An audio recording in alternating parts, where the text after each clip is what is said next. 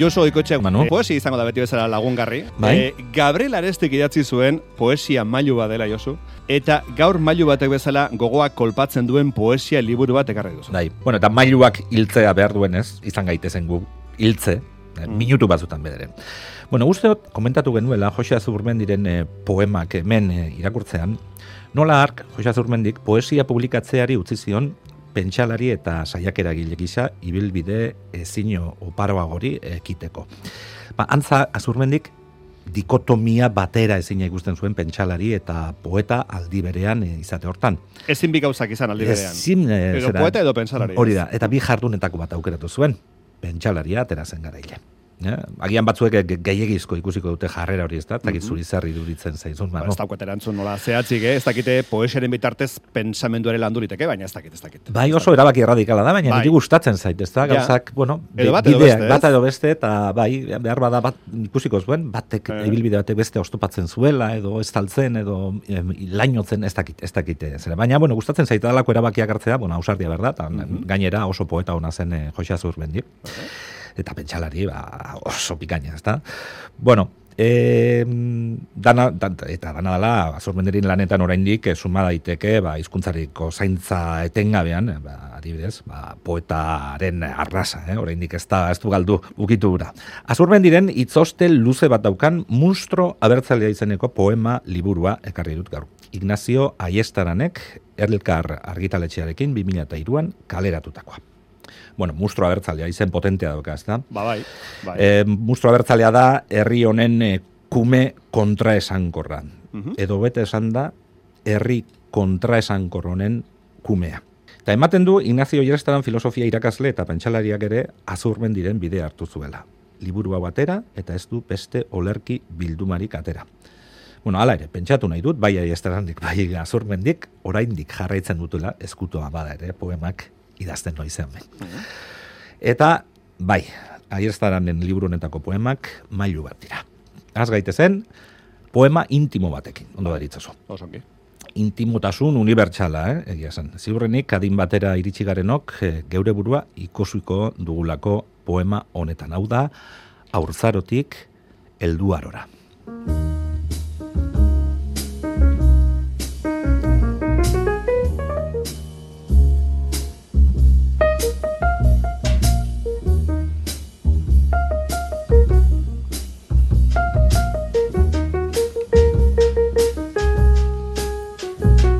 Nire aurtzaro osoa esku batean kabitzen da.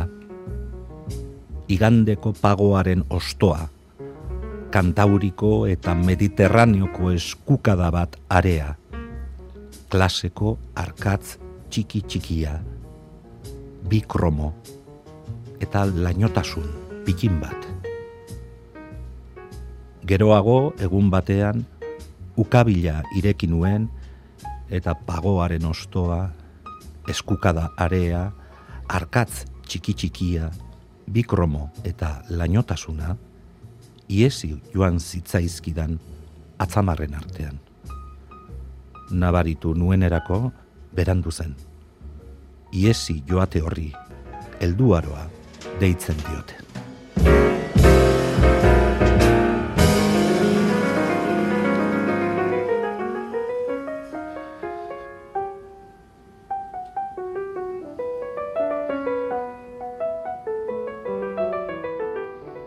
E, polite askoaren neurri hori, eh?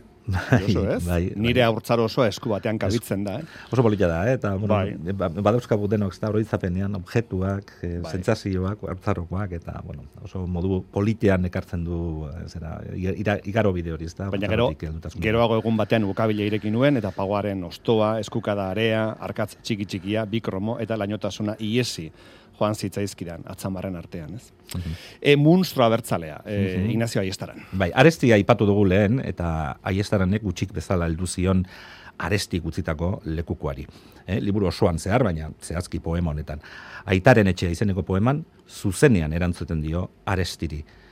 Nire aitaren etxea defendituko dut, haren bigarren zatitzat eh, jo dezakegu Mhm. poema hau. Aitaren etxea. Aitaren etxea, Ignacio Aiestaran.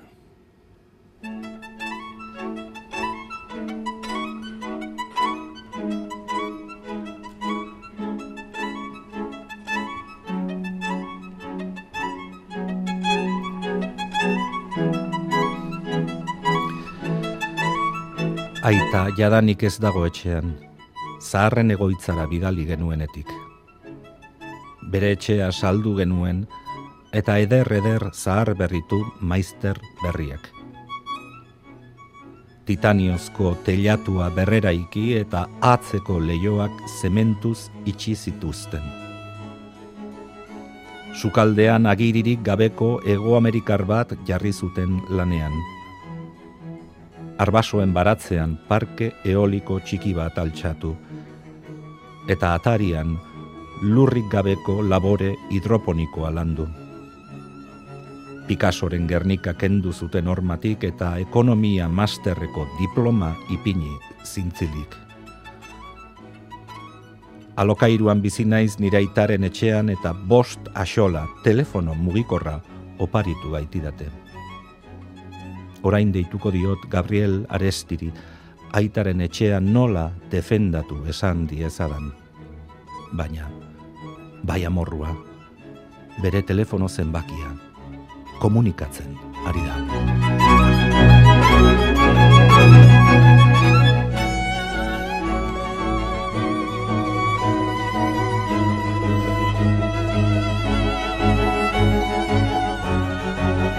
Aze bukera, Josu, eh? ba, ironia puntu bat, ironia etxi bai, puntu bat adoka. Arestiri deitu eta komunikatzen ari. Hori ez? Esan diezadan, ditu diot, esan diezadan nola defendatu aitaren etxea, baina komunikatzen. Bai, bai, bai. batzutan zinezko dalako komunikazio, ez da? Mm. Saiatzen da, bueno, nik uste badagoela komunikazio bat liburu honen eta arestiren lanaren artean, eh? Mm. egia esan. Bueno, mustra bertzalea liburu politikoa da, azaltzen dira Karl Marx, azaltzen da Sabino Arana, azaltzen dira e, hiperkorreko sarraskia eta torturaren egongelak, azaltzen da lana eta laneza. Eta aldarri politiko poetiko guztien artean, gaientzen da liburuko azken poema. E, astero, de, astero dugu langile baten eriotzaren berri. Bai. Istripuz izaten dira normalean. Baina zenbat gehiago zote dauden, lan bizitza latz baten ondorioz hildakoak. Halaxe, poetaren aita. Hau da, nire aitaren eriotza ziurtakirian agertzen ez dena.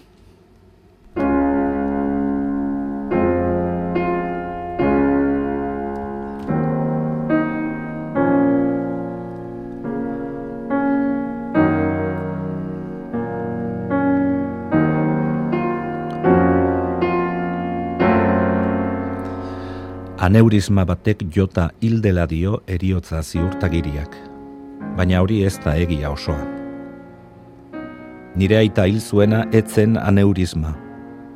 Egunero, amar, amabi, amalau orduz lan egitea baizik. Nire aita hil zuena frankismoaren garaian familia aurrera eramatea izan zen, bizialdi osoan lan egitea eta irurogei urte inguruan langabezian bukatzea.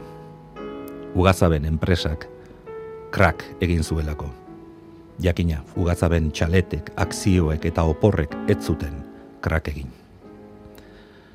Aitak ez zidan inoiz inon ezerre esan horri buruz, baina bere insomnioa agerikoa zen. Haudena ikusi nuen bere aurpegian, ospitalean, azken erasoa heldu zitzaionean. Horrexegatik aitaren borondateari jarraituz, nire amak eta biok ezkenien baimenik eman autopsia egiteko, zeren munduko autopsia guztiek ez gukete benetako eriotza zioa emango. Eta zera galdetuko didazu ezergatik idatzi duzu hain poema traketx hau. Ez dakit ziur, baina poesia munduko oberena izan da ere, munduko poesia oberena emango nuke, ez bairi gabe nire aitaren besarkada baten truke.